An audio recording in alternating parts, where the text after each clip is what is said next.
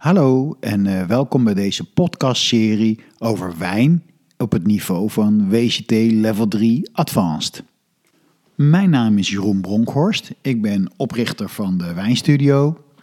Ik heb de basiscursus Level 1 geschreven en de wijnspijscursus en de boeken die daarbij horen. Samen met Henriette verzorg ik de Wijnstudio proefcolleges en de wijnreizen. En ik schrijf nog steeds allerlei lesmateriaal. Deze podcastserie wordt je aangeboden door de Wijnstudio. De podcasts in deze serie volgen het WCT Level 3 boek en je kunt ze gebruiken als aanvullend lesmateriaal. Maar je kunt het ook gebruiken als je een andere wijnopleiding doet. Of als je gewoon een diepgaande interesse in wijn hebt. Als je nog meer wilt weten, is er nog de podcastserie op level 4 niveau over versterkte wijn en champagne. Er is een serie over wijnspijs. En er is een serie interviews met professionals in de gastronomie. Mensen die door hun specialisatie tot de top zijn gaan behoren. Ik wens je veel plezier met het luisteren. En ik hoop dat je er veel van opsteekt. En ik wil daar beginnen waar alle wijn mee begint: de wijnbouw, oftewel viticultuur. Wat de meeste mensen niet weten, is dat voor alle wijnen die je drinkt in de wereld, of je nou in Australië bent, of je nou een Amerikaanse wijn hebt of een Zuid-Afrikaanse wijn, al die wijnen die zijn gemaakt van Europese druiven. De Vitis vinifera, oftewel de wingerd die druiven draagt. Er zijn ook andere druiven, de Amerikaanse druiven. Dat is ook een Vitis, maar die heten dan bijvoorbeeld Vitis labrusca of nog een heleboel andere namen. Van die druiven gebruiken we de wortelstokken, de onderkant van de stam. Maar daar komen we straks nog op terug. Kun je eigenlijk van die Amerikaanse druiven ook uh, wijn maken? Ja, dat kan, dat gebeurt ook. Alleen, de kwaliteit is eh, niet zo fijn. Hij smaakt ontzettend geparfumeerd, heel overdreven eigenlijk. En heeft ook een soort dierlijke lucht. En in Amerika wordt dat foxy genoemd. Maar het voordeel van uh, die druif is wel dat die uh, heel uh, goed bestand is tegen schimmels en tegen vocht. Dus hij kan zich heel goed handhaven. Dus het is heel fijn om hem neer te zetten daar waar het moeilijk is om druiven te kweken. In Amerika en ook op andere plekken, zoals bijvoorbeeld in Madeira, staat die dus wel aangeplant. En er wordt ook wijn van gemaakt. Alleen die wijn mag niet in de winkel verkocht worden. Je mag het niet uh, etiketteren en uh, wijn noemen. Je mag het alleen als homebrew verkopen, dus aan huis. En waarom dat is, dat kun je eigenlijk zelf wel invoelen. Stel je voor dat je als Nederlander uh, denkt: ik ga eens een Californische wijn drinken. En je krijgt die wijn, die hele geparfumeerde wijn in je glas. En je denkt: wat is dit verschrikkelijk. Wat gebeurt er dan? Nou, de komende vier, vijf jaar dan ga jij geen uh, Amerikaanse wijn meer drinken. Dus die hele regelgeving die is erop gericht om de wijnmakers te beschermen. Als je door een wijngaard loopt, dan zie je druiventrossen hangen. Maar heb je wel eens afgevraagd, hoe groeien die en waar groeien ze precies aan? Hoe zit een wijnstok eigenlijk in elkaar? En een vastgegeven is, een druif groeit aan de loten op het eerstejaars hout. Het klinkt een beetje ingewikkeld, maar dat is het eigenlijk niet. Ik zal het uitleggen. Een wijnstok bestaat uit een stam en takken. Nou, de takken van het vorige jaar die geven nieuwe loten. En aan die loten groeien de druiventrossen. Dus een druiventros groeit niet aan oudere takken en ook niet aan de stam. Je moet een uh, druivenrank enorm beheersen, want uit zichzelf uh, begroeit hij een halve hectare bodem. Dat wil je natuurlijk niet. Dus we gaan eens kijken wat we daarmee kunnen doen. Je ziet als je door de wijngaarden loopt dat er enorm gesnoeid is. Er bestaan honderden manieren van snoeien en geleiden, maar we zullen de belangrijkste eens even onder de loep nemen. De eerste is de lange snoei en die wordt in Frankrijk ook wel guyot genoemd. Na de oogst ga je snoeien. Je snoeit eigenlijk alle takken weg, maar je wilt natuurlijk wel iets overhouden. Nou, wat je kan doen met guyot is um, alles wegsnoeien en één tak overhouden. Die staat natuurlijk naar boven gericht. Alle takken groeien naar boven. En die buig je dan zo naar beneden tot die horizontaal staat. En dan kun je hem eh, vastmaken aan een draad. Op zo'n tak zitten zo gemiddeld 5 tot 8 knoppen. En uit al die knoppen komen nieuwe groene loten in het nieuwe jaar. En aan die loten komen de druiven. Dus je kunt een beetje voorspellen hoeveel kilo druiven je eigenlijk gaat krijgen. Het hangt wel van het jaar af, maar toch wel ongeveer. Je kunt dus eh, één tak naar beneden buigen en dan krijg je de Guyot simple. maar je kunt ook twee takken naar beneden buigen. één naar links en één naar rechts. En dan krijg je de Guyot double. Een andere methode is de cordon, zoals het in het Frans heet. En dat is een korte snoei. Je hebt dan weer zo'n tak naar beneden gebogen. Alleen nu snoei je hem niet weg elk jaar. Nee, nu laat je hem gewoon staan. Dus die tak die wordt alsmaar dikker en dikker. En eigenlijk wordt het gewoon het verlengde van de stam. Op die cordon pleeg je natuurlijk uh, korte snoei. Dus als je daar takken aan overhoudt en daar komen dan weer loten aan, dan wordt het een ontzettend zootje. Dus je snoeit alles heel kort af. En uh, op die kleine stukjes eenjarig hout die je overhoudt, komen weer nieuwe loten. En daarin komen weer de druiven. Je kunt cordon, net als Guyot, één kant uit laten groeien. Dan krijg je cordon simple, maar je kan ook het beide kanten uit laten groeien en dan krijg je een cordon double. En dan is er nog een derde methode en dat is de gobelet. Dan bestaat de stam uit meerdere takken, hè, dus hele dikke takken. En die staan waaienvormig uit. En daar snoei je heel kort op. En daar komen dan allerlei uh, nieuwe loten op. Ze noemen het ook wel bushvine. En het is ook een hele wilde manier van, uh, van opkweken. En uh, je kunt je voorstellen, hierbij kun je onmogelijk machinaal werken. Ik vind het zelf de allermooiste manier van snoeien om te zien.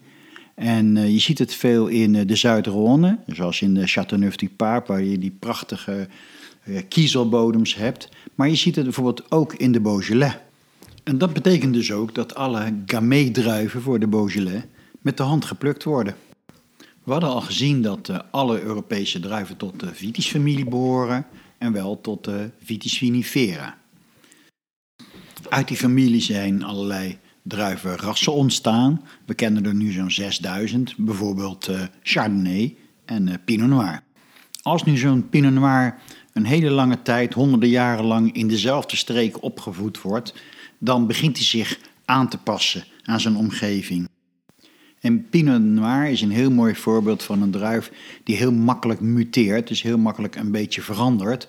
En dat doet hij dus erg afhankelijk van zijn omgeving, van waar die staat. Je kunt je dus voorstellen, als je honderden jaren lang een eh, Pinot Noir in de Bourgogne hebt staan op een bepaalde plek, dat die zich daaraan aangepast heeft. Die aanpassing leidt er uiteindelijk toe dat die wijn een wat ander karakter gaat krijgen. En zo'n aangepast ras, dat noemen we een kloon.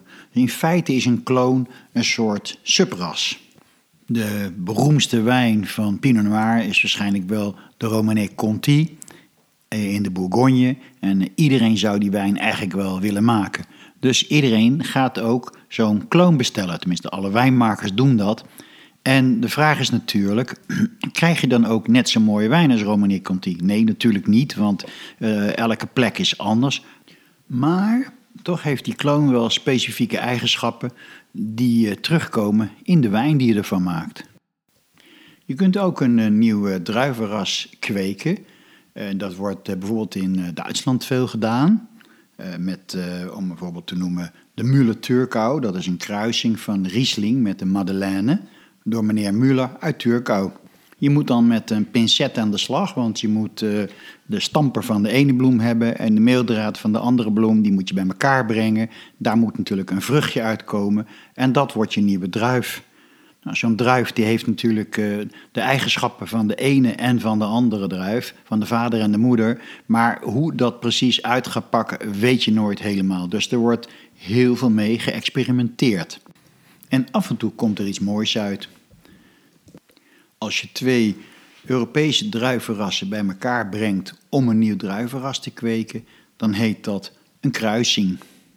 Maar je zou ook een Europees ras kunnen kruisen met een Amerikaans ras. En dan krijg je wat je noemt een hybride. Ook dat is veel in Duitsland gedaan en eh, daar maken wij nu dankbaar gebruik van in Nederland. We hebben hier eh, de Cabernet Blanc, de Regent, de Rondo, de Johanniter. En de, de Nederlandse wijnmakers die maken er graag gebruik van. Vanwege dat stukje Amerikaanse druif, wat ervoor zorgt dat ze veel beter bestand zijn tegen schimmels. Dat ze ook veel beter bestand zijn tegen vocht. En de vraag is natuurlijk, levert dat mooie druiven op? Levert dat mooie wijn op? Hmm. Nou, het antwoord is niet zo. Dus wat zie je gebeuren? Dat die hybrides heel vaak weer doorgekruist worden en nog een keer doorgekruist worden met Europese druiven, zodat er uiteindelijk nog maar een heel klein aandeel van die Amerikaanse druif in zit. En er is veel discussie over of we hiermee door moeten gaan. Er zijn echt voorstanders en tegenstanders. Want hoe smaakt zo'n wijn? Smaakt die goed? Ja, je kan er mooie wijn van maken. Maar er zit wel een soort plafond aan. En een probleem is ook wel dat de resistentie tegen schimmel in de loop van de jaren afneemt. Maar dat neemt niet weg dat er twee stromingen in Nederland zijn: van uh, de wijnmakers met Europese druiven en de wijnmakers met hybrides. En ik denk dat dat ook niet meer weggaat. Wat heeft een wijnstok allemaal nodig om te overleven? Om te beginnen natuurlijk zon, warmte en zonlicht. Die warmte komt van boven, maar die wordt ook opgeslagen in de bodem. Bepaalde bodemsoorten, bepaalde steensoorten zijn heel goed in het opslaan van warmte en dat later weer afgeven, zoals die kiezel in de Châteauneuf-du-Pape. Warmte is natuurlijk essentieel voor de rijping van de druif. En dan heb je zonlicht. Ook dat komt weer van boven, maar ook dat kan van beneden komen. Bijvoorbeeld door de bodem, maar zeker ook door water, door rivieren. Water is natuurlijk ook heel belangrijk. Geen plant kan zonder. Een druivenstok heeft niet zoveel water nodig, minder dan andere planten. Maar ja, het blijft een plant, dus het blijft nodig. En tenslotte bestaan druiven natuurlijk ook voor een groot deel uit water. Water verkrijgt een druivenstok door regenval, maar het kan ook door irrigatie. Als je al die slangetjes zo ziet hangen met die spuitmondjes erop die dat water geven, dan eh, heb je ook water gegeven. En het kan ook door middel van bevloeiing. Dan laat je eigenlijk een wijngaard helemaal onder water lopen. De bodem slaat het water op en eh, de druif die kan diep wortelen. En die, kan, die wortel kan meters diep gaan om bij een laag terecht te komen waar dat water opgeslagen zit als het nodig is. De bodem die zorgt voor allerlei mineralen zoals kalium, calcium, fosfor, natrium, ijzer het zijn allemaal mineralen waarvan eh, de druivenstok een klein beetje nodig heeft. Uit de lucht haalt de wijnstok, haalt iedere plant kooldioxide, koolstof. En dat is eigenlijk heel bijzonder als je erover nadenkt. We zien een plant, we kijken maar eens naar een, boom, hè, met misschien een hele dikke, grote boom. Nou, dat voelt heel erg als, ja, die is uit de grond gegroeid, uit de aarde gegroeid. Inderdaad staat hij natuurlijk stevig met zijn wortels in de aarde. Maar het gekke is, hij is eigenlijk niet uit de aarde gegroeid, hij is uit de lucht gegroeid. Want een plant haalt zijn koolstof, waarmee hij dus hout maakt, haalt hij uit de lucht. Dus een bizar idee dat een plant eigenlijk van lucht gebouwd is. En tenslotte, het meest bijzondere aan een plant, dat is wel de fotosynthese. Bladeren, het bladgroen in de bladeren, zet koolstof en water om in glucose. En uh, een bijproduct waar we allemaal heel blij mee zijn, is uh, zuurstof. Daarom is het ook heel fijn en belangrijk dat we planten om ons heen hebben. Die glucose, ofwel suiker, is de basis voor alles wat er in een plant plaatsvindt. Uh, de groei, de energie, de bescherming tegen ziektes. Alles gebeurt vanuit die suiker. Die suiker wordt gebruikt om al die dingen te bouwen. En tot zover de plant. Laten we eens gaan kijken naar de klimaten.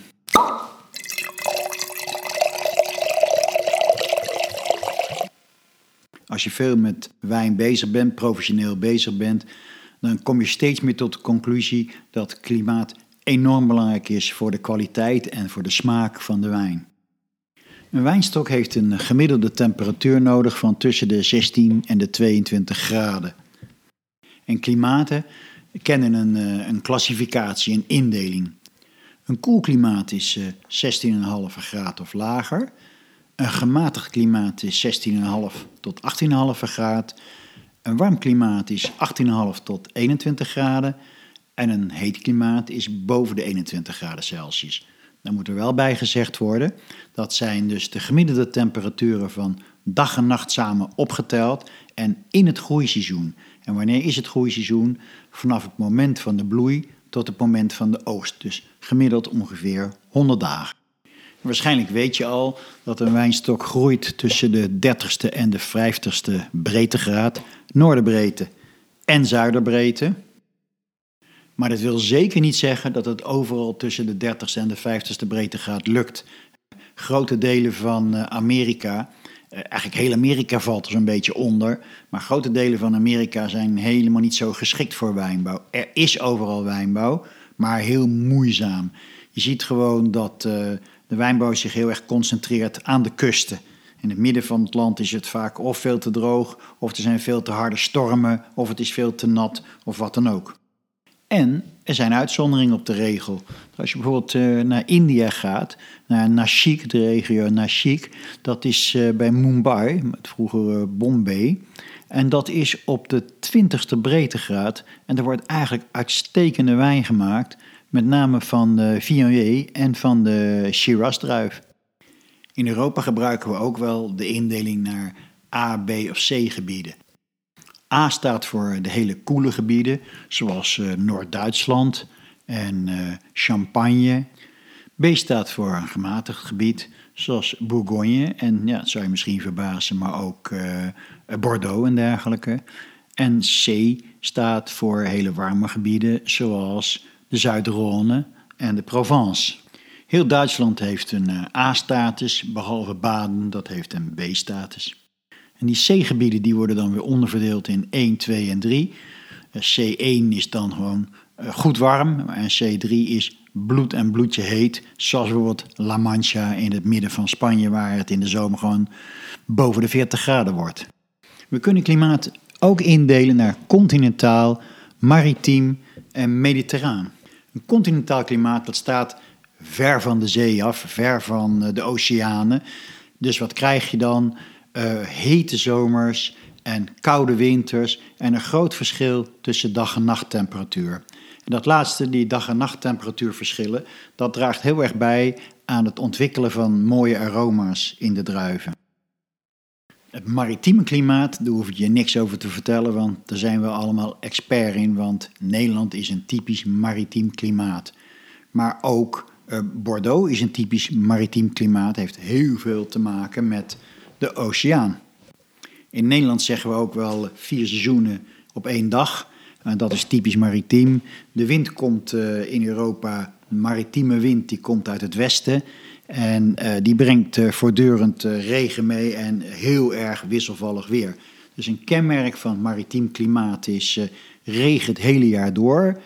relatief zachte winters en relatief koele zomers. En dan heb je het mediterraan klimaat ja, eigenlijk het allerlekkerste klimaat wat er bestaat aan de Middellandse Zee. Het is natuurlijk niet voor niks dat zoveel rijke mensen in de Provence gaan wonen. De winters zijn aangenaam zacht en de zomers zijn aangenaam warm. De temperatuur is behoorlijk constant en de regen valt vooral in de winter. Wat zijn de factoren die het klimaat van een wijngaard beïnvloeden? Om te beginnen is dat hoogte. Stel je voor, je bent een wijnmaker in Argentinië, de zee is ver weg en je gaat uh, meer in het noorden zitten of je woont toevallig in het noorden. En hoe noordelijker je komt, hoe warmer het wordt, want je komt dichter bij de evenaar. Dan wordt het dus eigenlijk gewoon te warm voor een druif. En wat is dan het enige wat je daar kunt doen? De bergen ingaan. Dus die wijngaarden, die zie je in Mendoza. Maar je kunt nog veel noordelijker gaan. Je kunt zelfs bij Cavajate uitkomen. En dan moet je nog hoger de bergen in. En daar zie je wijngaarden op 2000 meter of hoger. Elk 100 meter op aarde die je omhoog gaat, wordt het gemiddeld 0,6 tot 1 graad koeler. Per plaats verschilt dat. En in Cavajate, als je op 2000 meter zit bijvoorbeeld, betekent dat dat het gemiddeld 20 graden koeler is dan beneden aan de voet van de berg. Dus dat is een enorm verschil. Een andere belangrijke factor is het verschil tussen dag- en nachttemperatuur. Dat vertraagt de rijping, maar het zorgt wel voor een goede ontwikkeling van aroma's. Grote watermassa's zoals uh, zeeën, oceanen, maar ook rivieren hebben een vertragende werking op het klimaat. En in een koel land als Duitsland is dat enorm belangrijk. Je ziet dan ook dat uh, de meeste wijngaarden allemaal rondom een rivier gesitueerd zijn. Wat doet zo'n watermassa? In de lente houdt hij de warmte tegen. En dan zou je zeggen, ja, dat is toch eigenlijk tegenstrijdig, dat is niet fijn. Nou, dat is eigenlijk toch wel fijn. Want wat gebeurt er uh, in Duitsland? Het wordt lente en het wordt lekker warm en die druif die begint uit te komen. Er beginnen bloemknopjes te komen, misschien al bloemetjes. En dan in één keer, dat komt toch vaak voor, is er nachtvorst. Dat is natuurlijk een ramp, want in één keer zijn al die bloemknoppen kapot. En dat betekent eigenlijk dat er geen druiven meer zijn voor de rest van het jaar. Dat water zorgt er eigenlijk voor dat die bloei uitgesteld wordt en daarmee is het risico van die nachtvorst een stuk minder geworden. Maar in de herfst werkt het ook weer gunstig, want dan zorgt het er juist voor dat de kou heel lang wegblijft en dat betekent dat het groeiseizoen verlengd wordt. Dus die druiven krijgen in dat moeilijke, koele klimaat, waar ze heel moeilijk rijp worden, toch de tijd, extra tijd om te rijpen. Een andere factor is de expositie, ofwel de helling waarop de druiven staan, en dus de hellingshoek van de zon. Op de evenaar is het simpel, daar staat de zon gewoon eh, loodrecht boven je en je schaduw is eigenlijk eh, zo goed als nul. Maar in Duitsland op de 49ste breedtegraad heb je natuurlijk enorm veel schaduw. Eh, kijk zelf maar als je hier in de winter op straat loopt of als je op het strand loopt, dan zie je soms meters schaduw. Wat is het probleem daarvan? Nou, de voorste rij druiven die krijgen wel lekker zonnetje, maar alles wat erachter staat, staat in zijn eigen schaduw. Als nu die druiven op een schuine helling staan, eigenlijk hoe schuiner hoe beter, dan kan de zon daar veel beter in doordringen, omdat die hoek eigenlijk veel kleiner is geworden. Wat zijn de gevaren van temperaturen? In de eerste plaats is dat bevriezing. Een, een, hele wijnstok kan bevriezen. Dat gebeurt. Soms heb je hele beruchte nachten waarop in één keer hele wijngebieden de klos zijn en uh, ja, wijnstokken afsterven omdat het net iets te koud was. De ene druif kan er beter tegen dan de andere. Zo gemiddeld uh, kan een druif al tot min 15 gaan. En er zijn druivenrassen die nog verder kunnen gaan, nog, nog meer kou verdragen. Maar het houdt natuurlijk een keertje op. Vorst is natuurlijk uh, funest voor uh, bloemetjes en, en, kleine druifjes en knopjes. En ja, helaas is vorst natuurlijk het grootste gevaar in de lente, net rond die bloeiperiode. Het omgekeerde heeft ook een gevaar en dat is natuurlijk hele grote hitte. Je zal niet zo gauw zien dat een druif ervan doodgaat, maar het is heel slecht voor de kwaliteit van je druiven.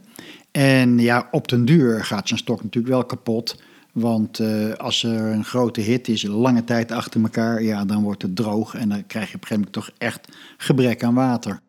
Behalve warmte is uh, zonlicht ook heel belangrijk. Met name tijdens de veraison, dat betekent de verkleuring. Dat is het moment van afrijpen van de druiven. Voor de vogels is het een teken dat de druif eh, straks eh, suiker begint te ontwikkelen, dus aantrekkelijk wordt om te eten. En ook goed zichtbaar is trouwens. En voor de wijnboer betekent het dat de oogst nadert. En een wijnstok heeft zonlicht nodig voor het proces van de fotosynthese. En we kunnen eens kijken wat de invloeden op het zonlicht zijn. Om te beginnen de breedtegraad. waarschijnlijk weet je dat al, uh, druiven groeien tussen de 30ste en de 50ste breedtegraad. Dat is de theorie. In de praktijk uh, is het wel wat genuanceerder dan dat. Er zijn natuurlijk hele gebieden tussen de 30 en de 50 waar het helemaal niet goed gaat, zoals in het midden van Amerika of in China. Ligt er allemaal keurig in, maar het is toch heel hopeloos om daar druiven te groeien. En anderzijds heb je een, eh, een gebied in India, Nashik, dat ligt bij Mumbai, eh, Bombay, eh, op de 20ste breedtegraad. En er worden uitstekende druiven geteeld, wordt mooie wijn gemaakt van met name Viognier en Shiraz. Zonlicht wordt ook beïnvloed door water, door zeeën en meren en rivieren op een hele interessante manier, namelijk door weerkaatsing. En eigenlijk kennen we dat zelf ook, want ik weet niet of je wel eens gaat zeilen of dat je lekker op het water zit. En uh, dan zou je wel gemerkt hebben, als dat midden in de zomer was, dat je veel bruiner werd dan normaal. En dat komt omdat het zonlicht niet alleen van boven komt, maar ook door weerkaatsing van het water. Het probleem van zonlicht is dus het kan te weinig zijn, dan kan de fotosynthese niet goed werken. Het kan ook te veel zijn. Uh, dat kan je met name hebben bijvoorbeeld in Zuid-Afrika, waar bloedverzengend heet kan zijn en hele scherpe zon. En wat krijg je dan? Verbranding van de druiven.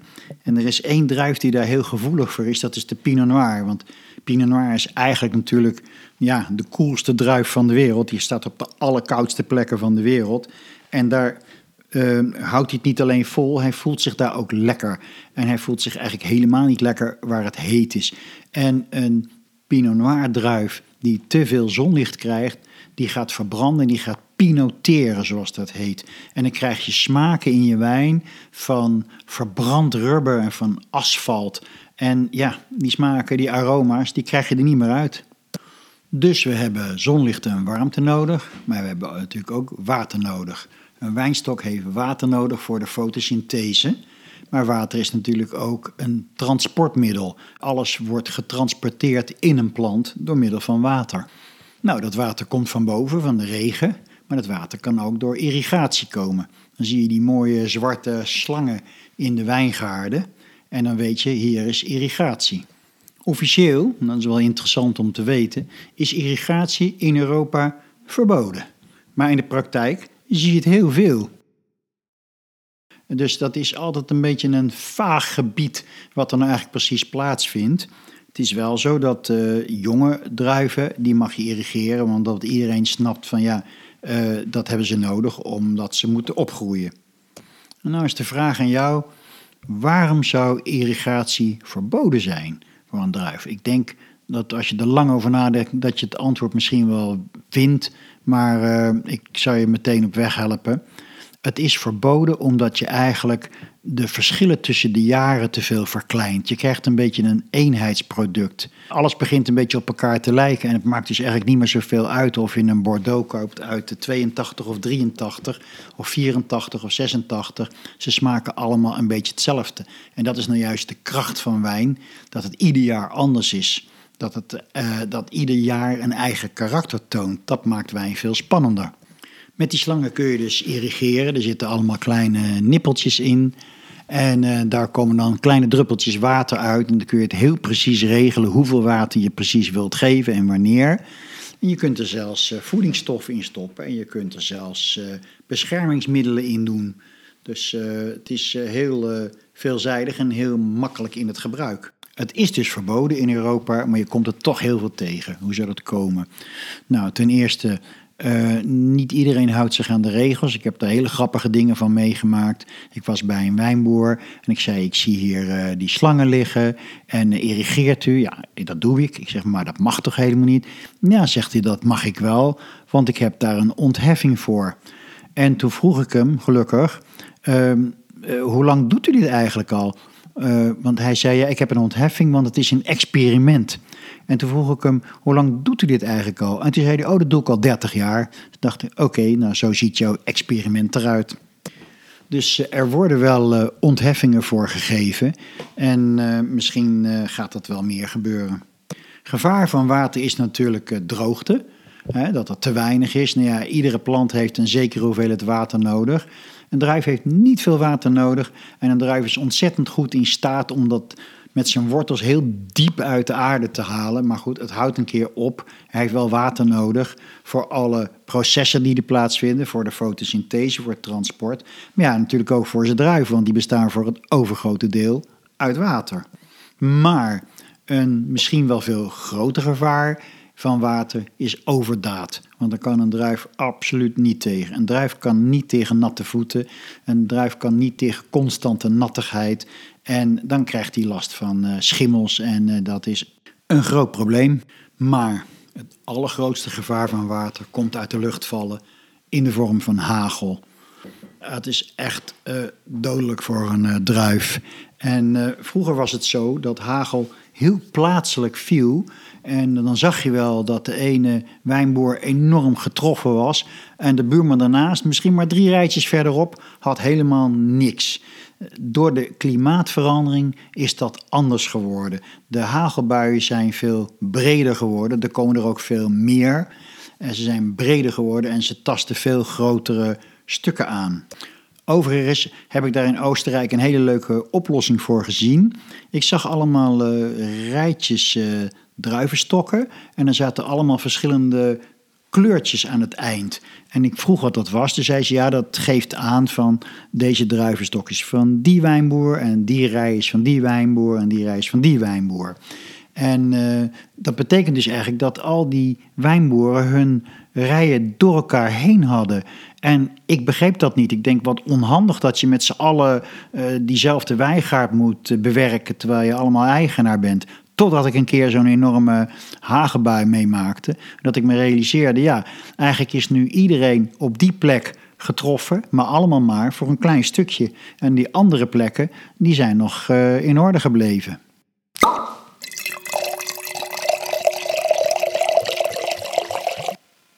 Via de warmte en het licht en het water komen we nu bij de bodem uit. Een goede wijnbodem die moet in de eerste plaats arm zijn. In Frankrijk hebben ze daar een hele mooie uitdrukking voor. Il faut souffrir. En dat wil zeggen, hij moet lijden. De wijnstok moet lijden. Als een wijnstok het te makkelijk heeft, als die op een hele vruchtbare kleibodem staat aan de voet van een rivier, ja, dan wordt hij lui en dan neemt hij het ervan. Dan gaat hij als een koning leven. Dan maakt hij veel takken en veel bladeren. En hij maakt zich eigenlijk over de toekomst niet zoveel zorgen. Hij gaat niet veel aandacht aan zijn druiven besteden, aan de voortplanting. Dus ja, daar hebben wij eigenlijk niks aan. Een goede wijnbodem die heeft voldoende voeding, met name in de vorm van mineralen, maar het mag niet rijk zijn. En een goede bodem heeft voldoende drainage, dus dat wil zeggen het water kan voldoende weglopen, anders dan krijg je natte voeten. Maar het houdt wel ook wel weer genoeg water vast. Als een bodem echter in plaats van te veel echt te weinig voedingsstoffen heeft, dan heb je ook een probleem. En dan krijg je chlorose. En dat zie je dan aan het blad, dan zie je dat uh, geel worden. En dat is een teken van, oh, hier zijn tekorten aan ijzer of tekorten aan wat dan ook. En uh, dat gaat niet goed zo. Wijnregio's hebben eigenlijk allemaal hun eigen kenmerkende bodemsoorten. En dan laten we er eens een paar uh, onder de loep nemen. Ik wil er wel meteen bij zeggen dat dit stuk over bodemsoorten niet in het WGT Level 3 boek staat. Maar ik vind het zo interessant en zo'n basiskennis dat ik denk dat het hartstikke leuk is om dit toch te weten. Om te beginnen, lijsteen. Lijsteen is eigenlijk uh, klei en die is uh, ja, onder druk komen te staan. Die is versteend geraakt. Dat zijn allemaal laagjes die op elkaar liggen. Je kunt het op een hele aparte manier afbrokkelen. Het zijn allemaal hele dunne, platte laagjes. Lijsteen wordt in Duitsland en Frankrijk gebruikt voor, voor dakpannen, want het water glijdt er fantastisch af. Nou, dat zou natuurlijk voor een druif niet zo handig zijn, maar door alle geologische bewegingen in de aarde uh, gaat die lijsteen breken en hij gaat ook verschuiven en draaien en hij komt ook verticaal te liggen. En dan heb je eigenlijk een fantastische bodem waar die wortels heel mooi doorheen kunnen. Nou, waar heb je nou een typische lijsteenbodem? Uh, dat is in de Mozel. En een uh, druif die zich daar helemaal supergoed bij voelt, is Riesling. Het vervolgstadium van lijsteen is schist of schiste. Dat is eigenlijk afbrokkelende lijsteen in zijn laatste levensfase. Over het algemeen voor druiven een hele fijne bodem, omdat uh, de wortels er goed doorheen kunnen en hij is toch mooi droog. Waar vind je veel schisten? Nou, bijvoorbeeld in Portugal in het Douro-gebied, in de vallei van de Douro. En uh, welke druif voelt zich daar heel erg lekker? Ja, dat is de Tinto Roriz, in Spanje wel bekend als de Tempranillo. Een totaal ander soort bodem is de kiezelbodem. Wat is dat eigenlijk? Nou, kiezels, dat zijn eigenlijk uh, stukken rots, rotsblokken. Die zijn uh, door een gletsjer meegenomen. Die zijn uh, eraf gevallen, ze zijn afgescheurd en die zijn door een gletsjer meegenomen. Die zijn onder die gletsjer terechtgekomen. En die worden daar geschuurd en gerold en gedraaid. En die worden stap voor stap helemaal meegenomen tot ze bij het eind zijn, tot ze bij de zee zijn.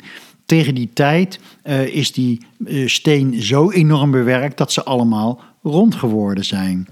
En ehm, eh, dan worden ze afgegeven daar waar het water gewoon heel laag is. dus in de, in de moerassen op het einde van, van een rivier.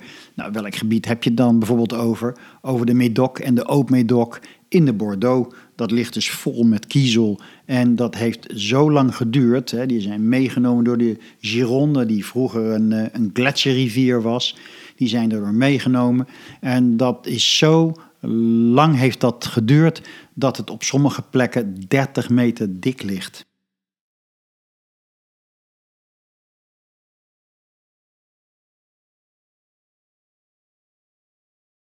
Giet er een beetje water overheen, je kan je wel voorstellen, is dat water meteen verdwenen. dat is meteen weg, terwijl een kleibodem het heel erg vasthoudt. Nou, kiezen laat dus meteen het water door. En kiezel neemt heel goed warmte op. Dus wat er overdag opgenomen wordt, dat wordt s'avonds weer uitgestraald. Dus kiezel is droog. Droog is altijd al een warmere bodem. En het neemt die warmte op. Dus kiezel maakt het heel erg warm voor een druif. Nou, er is één uh, druif die zich daar ontzettend lekker bij voelt. Droge voeten en lekker warm. En dat is de Cabernet Sauvignon.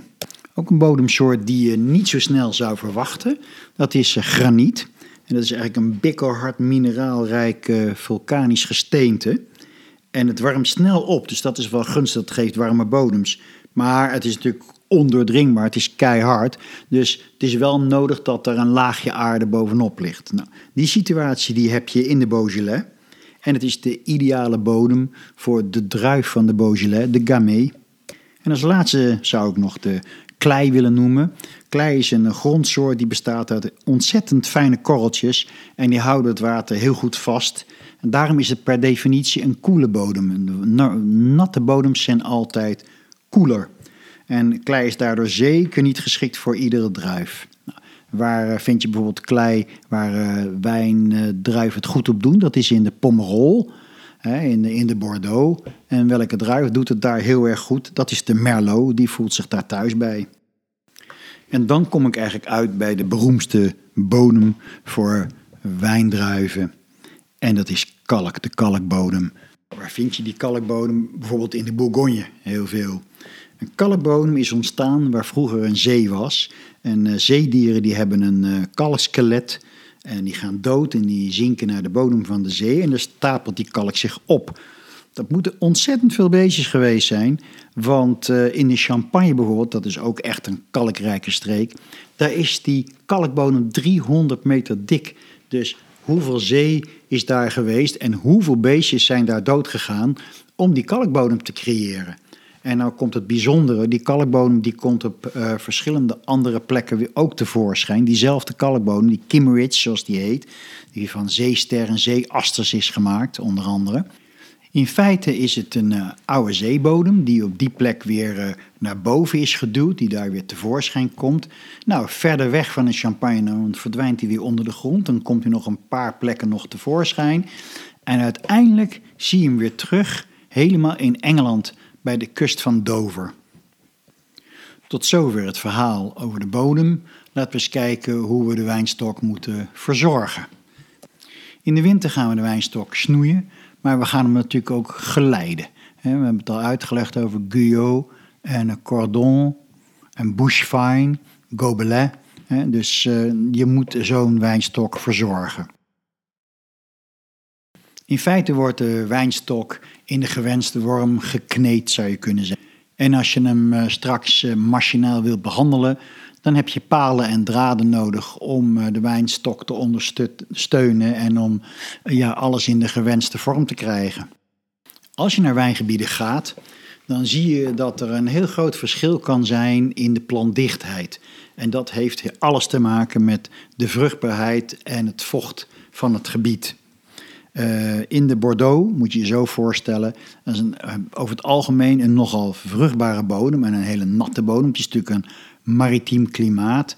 Daar wil je eigenlijk niet dat die druiven zo, uh, zo zich gaan richten op hun takken en bladeren. Je wil natuurlijk echt dat, ze zich, dat die stok zich op de druiven richt. Dus wat ga je doen? Je gaat heel veel planten neerzetten. Wel tot 10.000 tot 12.000 planten per hectare. Dat betekent dat die planten allemaal met elkaar gaan concurreren. En de wortels gaan allemaal diep naar beneden. En uh, er is uh, geen ruimte voor uh, luxe van takken en bladeren. Maar in een hele warme streek, zoals in La Mancha, is die situatie natuurlijk 100% omgekeerd. Daar heb je het water heel hard nodig. Dus druivenstokken worden heel klein gesnoeid, heel laag bij de grond. Dat, het, uh, dat ze maar heel weinig water nodig hebben voor transport. Dat ze ook een beetje in hun eigen schaduw staan. Maar vooral, ze staan heel ver uit elkaar, twee, drie meter uit elkaar. Zodat ze echt geen concurrenten van elkaar zijn. Want iedere druppel water is gewoon hard nodig. En net als alle andere planten en dieren kunnen druiven ziektes krijgen. En helaas zijn dat er best wel veel.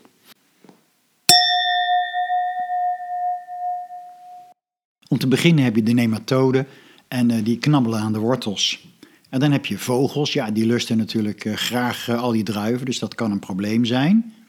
En dan heb je zoogdieren, heel specifiek, heb je wilde zwijnen. Ja, je kunt het je misschien niet zo voorstellen, maar wilde zwijnen zijn een enorm probleem. Als je in de Provence komt, dan zijn ze echt, daar balen ze gruwelijk van die beesten. Want uh, een wijnboer heeft me dat wel eens verteld. Die beesten zijn zo slim die komen overal doorheen. Uh, er worden hekken geplaatst, er wordt stroom opgezet. En altijd op de een of andere manier weten wilde zwijnen weer een doorgang te vinden. Ze, ze klimmen op elkaars rug. Ze, kunnen, ze maken gebruik van een trap die er staat. Je kan het zo gek niet bedenken, maar ze weten altijd iets te vinden om toch weer bij die druivenstokken te komen. En ze richten natuurlijk een ravage aan. En dan heb je natuurlijk nog een heleboel soorten van insecten. Maar gelukkig is daar een hele leuke oplossing voor gevonden. Wetenschappers hebben de levensloop van allerlei insecten onderzocht. En uh, die kwamen tot de verrassende conclusie dat de meeste insecten eigenlijk maar heel kort leven. Ze hebben maar een hele korte levensduur. Hè. Uh, sommige insecten leven maar een week, sommige zelfs maar een dag. En toch moeten ze zich kunnen voortplanten, wil de soort blijven bestaan. Dus de vraag rijst, hoe doen insecten dat? Kijk, ze hebben hele kleine oogjes, facetogen. Daar kan je maar een heel klein stukje mee zien. Je kan absoluut niet ver weg kijken. Dus ja, op het zicht gaat dat niet lukken. En ze zijn ook zo piepklein. Hoe vindt zo'n piepklein insectje, mannetje, een insectenvrouwtje? En toen kwamen we erachter uh, hoe dat gaat, namelijk met pheromonen. Dus vrouwtjesinsecten uh, scheiden een bepaald uh, pheromoon af. En dat is eigenlijk een, een vrouwelijke lokstof, hè, die specifiek is voor dat insect. En daar komen de mannetjes op af. En zo weten ze elkaar te vinden. Nou, toen we dat wisten, toen konden we iets gaan bedenken. Bas F. die was daar heel slim in. Die heeft al die pheromonen geanalyseerd van die belangrijke insecten die zo lastig zijn. En die heeft dat chemisch nagemaakt. En die heeft ze allemaal in kleine bruine plastic hangertjes gestopt. En die hangertjes die zie je tegenwoordig overal in wijngaarden, zo om de 15 meter zo'n beetje, zie je een hangertje. En uh, dat is eigenlijk de oplossing geweest. En dan vraag je je af, oké, dan heb je dus een hangertje vol met, uh, met seksuele lokstoffen. Dus wat er eigenlijk gebeurd is, je trekt dus juist verschrikkelijk veel insecten naar die wijngaard toe. Ja, dat klopt. Alleen, je trekt alleen de mannetjes naar die wijngaard toe. Die komen daarop af. Nou, die komen daar in het paradijs terecht, want die denken dat het daar stikt van de vrouwtjes. Alleen, ze vinden er geen één, want die lokstof is eigenlijk overal. Dus de paring mislukt. Ze kunnen geen vrouwtjes meer vinden. En aangezien de levensduur zo kort is, is op een gegeven moment is het feestje voorbij en zijn er geen insecten meer. En in feite is dat een hele milieuvriendelijke methode. Het is misschien niet aardig voor die beestjes, maar ja, we wilden er toch vanaf. Ziektes waar de druivenstok veel meer last van heeft, dat zijn de schimmelziektes. En uh, dat heeft wel een bepaalde geschiedenis. Uh, rond 1850 uh, begon het publiek in Engeland een enorme interesse te ontwikkelen in tropische tuinen en tropische kassen. Er werden overal kassen aangelegd en er werden allemaal prachtige planten van overal uit de wereld werden naartoe gebracht. Dat kon ook omdat het transport steeds sneller werd. Dus je kon planten leven meenemen en uh, laten zien aan mensen. Nou, dat vond iedereen prachtig. En natuurlijk hoorde daar ook een uh, Amerikaanse druif bij. Dus in de Kew Garden in Engeland, daar werd een uh, Amerikaanse druif geplant. Nou, dat was prachtig. Alleen wat ze zich niet realiseerden, is dat met het planten van die druif, dat ze ook de ziektes meenamen die bij die druif horen. Waar die druif zelf al een oplossing voor heeft, maar waar de Europese druif helemaal geen oplossing voor heeft. En de eerste dodelijke ziekte die tevoorschijn kwam, was meeldauw. Een eh, wit poeder wat op het blad verschijnt, eh, de nerven worden aangetast en eh, zo in een jaar of twee, drie is de hele plant dood. Dat was een ramp. Het heeft natuurlijk een tijdje geduurd voordat we wisten wat we eraan moesten doen. Maar gelukkig is er een hele goede oplossing voor. En dat is spuiten met zwavel. En dat klinkt heel naar, maar zwavel is een stof uit de natuur. En uh, zwavel kan eigenlijk helemaal geen kwaad in de natuur. Het verdwijnt gewoon weer. Dus uh, het is eigenlijk ook helemaal niet eens milieu-onvriendelijk om zwavel te gebruiken. Maar enkele tientallen jaren later kwam er een. Uh, andere schimmel, en dat was wel veel ernstiger, en dat is de valse meeldauw. De valse meeldauw, de Peronospora, die geeft een schimmelige draden onderaan het blad. Het blad sterft weer af en de plant sterft weer af. En de bestrijding daarvan is veel moeilijker. Het wordt gedaan met uh, zwavel en koper. Maar het probleem daarvan is Koper wordt door de natuur niet opgenomen. Het verdwijnt niet, het blijft in de grond. Dus als je alsmaar koper aan het spuiten bent, dan hoopt zich dat op in de grond. Dat is wel serieus een probleem. En daar kom ik straks nog op terug als we het hebben over biologische landbouw. Maar de allerergste ziekte die geïntroduceerd is in de wijnbouw is by far de phylloxera, de druifluis rond 1855 geïntroduceerd in, uh, in Frankrijk. Ook afkomstig dus weer van een Amerikaanse druivenstok. En uh, plotseling gingen er druivenstokken dood. Achter elkaar. Uh, eerst werd het ene gebied getroffen, toen het volgende, toen nog één. Het kwam ook in Bordeaux terecht en de catastrofe was enorm. Want alle planten gingen dood en niemand had enig idee wat er aan de hand was. En men probeerde van alles om dat tegen te gaan. Uh, het land werd onder water gezet, er werden padden uitgezet, er werd gif gestrooid, maar niks hielp. Uiteindelijk is er een uh, onderzoeker opgestaan en die heeft het helemaal uitgeplozen en die kwam erachter dat het kwam door een heel klein beestje, de druifluis. Nou, die druifluis die heeft uh, tijdens je leven allerlei fases waar die doorheen gaat. En een van die fases in die cyclus is dat hij uh, op de wortel van de druif gaat zitten. En hij begint daaraan te knagen. En hij maakt een klein gaatje. En hij gaat dan eten van het sap van de, van de druif eigenlijk. Hij zuigt dat op. Nou, uh, het probleem is dat dat gaatje niet meer dicht gaat.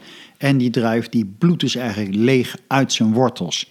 Bovendien uh, veroorzaakt het ook nog een soort van kanker. Nou, dat was het grote probleem. En nu is de grote vraag: wat ga je eraan doen om dit op te lossen? En daar zit een bepaalde logica in. Die druifluis die hoort bij de Amerikaanse druif.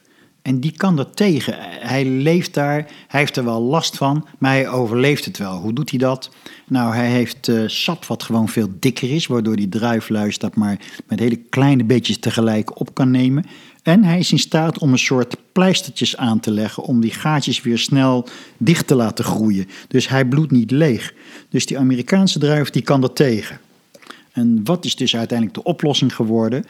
Onderstokken van Amerikaanse druiven. Dat wil zeggen, je zet een Amerikaanse druif eh, in de wijngaard en uh, vervolgens uh, maak je daar een inkeping in ja, aan de bovenkant. En dan neem je een stokje van een Merlot of een Chardonnay ja, en dan maak je een soort pijlpuntje. Dat schuif je in die inkeping, dat het precies past allemaal. Nou, dan doe je daar een beetje wat touw omheen, of je doet er tape omheen. Of eh, als je het mooi wil doen, dan doe je er ook een soort lak omheen, zodat je het ook beschermt tegen virus en bacteriën. En dan begint dat weer samen te voegen. En dan komt daar een nieuwe druif uit. En nu vraag je natuurlijk af, ja, maar eh, hoe kan dat dan? Is het dan niet zo dat die onderstok invloed heeft op die druiven? En het antwoord is nee, helemaal niet. Enten is een techniek die overal ter wereld toegepast wordt en uh, ook overal om je heen, ook al heb je het misschien niet door. Maar uh, als je in een stad loopt, dan zie je overal bomen en eigenlijk uh, op al die bomen zie je wel een knobbel. En die knobbel, dat is de end. Want in feite zijn vrijwel alle bomen geënt. Uh, want de onderstok die wordt uitgekozen op de bodemsoort, op het feit dat hij niet veel zuurstof krijgt of weinig of veel water krijgt, wat dan ook. En de bovenend die wordt uitgekozen op zijn ras, op de kleur, op de groei van de takken, op de bladeren, op de wat dan ook. Het leuke is dat je dan ook die, uh, die knobbel, die zie je bij een uh, treurwillig precies andersom. Dan zie je hem helemaal bovenin. Want dan kies je een onderstok, een stam die heel mooi recht groeit. En dan kies je een bovenstam die die prachtige hangende takken heeft. En tegenwoordig zijn bijna alle wijnstokken in de wereld geënt. Je hebt nog plekken waar het niet is. In Chili, het grootste deel van Chili is nog ongeënt. En je hebt heel gek op allerlei plekjes in Europa ook heb je nog, nog uh, ergens wijngaarden waar, waar je niet geënte druiven tegenkomt. En dat kan onder andere komen door de bodemsoort. Als het zand heel erg fijn is, dan kan die luis daar niet doorheen komen. Dan moet je je voorstellen, zo'n luis die graaft zich een weg naar zijn wortel. Maar als je aan het graven bent, dat ken je wel van het strand, als je het graven bent en uh, het is heel fijn zand, dan valt het de hele tijd weer terug terwijl je graaft. Dus je komt gewoon niet verder. En ook heel grappig eigenlijk... uh, Bollinger, dat beroemde champagnehuis, die heeft ook nog één wijngaard die uh, phylloxera vrij is. En dat komt doordat die wijngaard helemaal ommuurd is. En uh, die muren staan natuurlijk op fundamenten, die gaan diep de bodem in. Dus die druifluis heeft er gewoon nooit bij kunnen komen. En tenslotte hebben we dan nog andere ziektes zoals virussen en bacteriën. Dat zijn lastige ziektes, want ze zijn heel moeilijk te bestrijden. Uh, wat je in ieder geval moet doen is als je aan het snoeien bent, je moet proberen recht te snoeien. Nou ja, dat kan natuurlijk lang niet altijd. En uh, wat belangrijk is, je moet het snoeihout zo snel mogelijk verwijderen. Want uh, dat zijn eigenlijk allemaal wonden, dat is verwond hout. Ja, dat is natuurlijk een heerlijke voedingsbodem voor virussen en bacteriën. Er is een eh, ziekte die eh, in de wereld aan het oprukken is en hier waarschijnlijk ook gaat komen. En eh, dat is Pierce disease. Het is een bacterieziekte die, die zich verspreidt via het sap in de plant. En die, die bacterie wordt verspreid door een insect met een prachtige naam. De glassy winged sharpshooter. De chemische industrie die heeft zich natuurlijk met uh, veel plezier uh, ook op de wijnbouw gestort, want daar viel natuurlijk veel geld te verdienen. Dus uh, wijnbouwers werden gestimuleerd om van alles te doen, om de productie te vergroten en om ziektes te bestrijden. Maar dat heeft uiteindelijk niet zo heel goede gevolgen gehad. Wat er gebeurd is, is dat het bodemleven eigenlijk helemaal kapot gaat door al die, door al die chemicaliën. En er is een Franse onderzoeker geweest, een bodemkundige, een, een professor.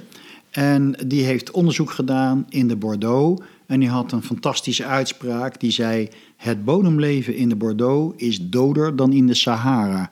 Nou, dat was een Fransman die dat zei, was bovendien een professor en een bodemkundige. Dus die werd echt wel serieus genomen. En daar zijn mensen best wel flink van geschrokken. Want dat was gewoon de realiteit. Het bodemleven sterft helemaal af. En wat krijg je dan? een ongezonde bodem. Wat gebeurt er met die plant die daarop groeit? Uh, die krijgt ziektes, die wordt zwakker. Want een plant heeft gewoon een gezonde, goede bodem nodig. Dus eigenlijk is dat een, een vreselijke spiraal naar beneden. Want uh, je hebt eigenlijk alsmaar meer chemicaliën nodig om de gevolgen daarvan te bestrijden. En iedere keer dat je meer chemicaliën gebruikt, wordt het erger. En je ziet nu dat uh, veel wijnboeren op de een of andere manier met biologische landbouw en met biologische wijnbouw bezig zijn. Het kan zijn zoals in Frankrijk, eh, het kunnen tussenvormen zijn, zoals de lutte raisonnée. Eh, dat boeren zeggen van nou, ik werk biologisch, maar als het echt helemaal uit de klauw loopt in een heel slecht jaar, dan wil ik eigenlijk toch wel chemicaliën kunnen gebruiken. Maar ik doe dat dan heel beperkt door het heel goed te monitoren, uh, door er zuinig mee te zijn. Nou, dat kan. En dan heb je natuurlijk de biologische landbouw en de biodynamische landbouw. Dat laatste is van Rudolf Steiner, die heeft dat ontwikkeld. En dat gaat erom dat je heel erg rekening houdt met, met de kosmos om je heen. Dus de zon, de maan, de sterren en de invloeden die er vanuit de kosmos allemaal zijn op het land. Nou, ik vind, vind het belangrijk om te zeggen uh, dat je goed moet begrijpen wat biologische landbouw is. Het gaat eigenlijk niet over bestrijden. Het gaat niet over nieuwe manieren van bestrijden. Het gaat over gezond maken. Het is een andere gedachte. Biologische landbouw gaat over we moeten de bodem zo gezond mogelijk maken. Dan is een druivenstok ook gezonder en zal die beter zichzelf kunnen beschermen tegen allerlei nare dingen. En dan komen we nu aan het uh, laatste onderwerp van deze podcast. En dat is uh, de oogst, het resultaat van al het harde werken.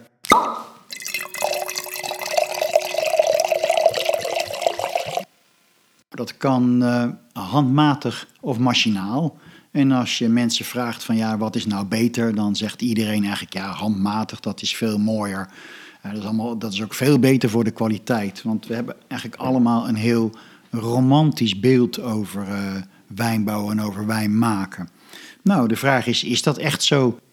Wat zijn de voor- en nadelen van beide methodes? Nou, te beginnen, handmatige oogst. Je kunt je voorstellen, er zijn plekken waar het echt niet anders kan. Uh, in de Mosel heb je zulke steile hellingen. Als je daar met de machine gaat werken, dan dondert die om, dan valt die op jou. En is het voorbij met de wijnbouw. Dus dat, dat gaat niet werken. Maar het kan ook zijn uh, dat het niet goed is omdat je de druiven per se heel wilt houden, zoals in de champagne. In de champagne is het verboden om machinaal te plukken, want je wilt die druiven zo heel mogelijk en zo snel mogelijk verwerken, zodat er geen enkele invloed van buitenaf kan plaatsvinden. Geen oxidatie, geen schimmels, geen bacteriën, niks, geen gisten, uh, want dat beïnvloedt allemaal je wijn en champagne is gewoon een loepzuivere wijn. Wat is ook een voordeel van uh, handmatig plukken? Je kunt uh, daarna de druiven goed uh, uitselecteren. Alles wat je niet bevalt kun je weggooien. Dat gaat op de zogeheten table de tri. Hè. Er staan een aantal mensen omheen. Die druiven worden erop gestort op een soort lopend bandje. En er staan mensen allemaal te selecteren. En ik was er een keer bij toen er uh, ja, eigenlijk best hele mooie druiven uh, weggegooid werden de hele tijd. En ik vroeg me af waarom dat nou was. En ik vroeg het aan die wijnmaker en hij zegt, ja kijk, dit druivenras, ik weet niet meer welk ras het was, maar zegt, dit druivenras dat ontwikkelt shoulders. Dat zijn eigenlijk kleine trosjes van druiven die bovenop de grote tros zitten. Ja, die worden meegeplukt, want ja, die, eh, die plukkers die, die uh, krijgen per uur betaald of per kilo betaald. En die, die gaan er gewoon heel snel doorheen. Die letten daar niet op. Dus de mensen aan de tafel de tri, die moeten dat gaan uitsorteren en weggooien. Want die, die shoulders, dat zijn druiven die echt helemaal niet lekker zijn. Die hebben meer zuren, die zijn wranger, die zijn niet mooi rijp geworden. Dus daar hebben we niks aan. Wat zijn dan tenslotte de voordelen van machinaal oogsten? Nou, het belangrijkste is dat één machine het werk van 24 mensen doet. Dus dat is niet alleen heel efficiënt, het gaat ook ontzettend snel. En het allermooiste is, je kan gewoon s'nachts doorgaan. Je zet de koplampen aan en je gaat s'nachts door. En dat betekent dat je heel lang kunt wachten met je oogst. Je druiven heel mooi kan laten afrijpen. Tot het moment dat je zegt, ja, nu moet er echt geoogst worden. En dan kan je het in een hele korte tijd binnenhalen. Dat was wel het hele verhaal over viticultuur. Het is eigenlijk best wel veel geworden, maar ja, zo is het. Uh, mijn naam is Jeroen Bronkhorst. En uh, deze podcast wordt je aangeboden door de Wijnstudio.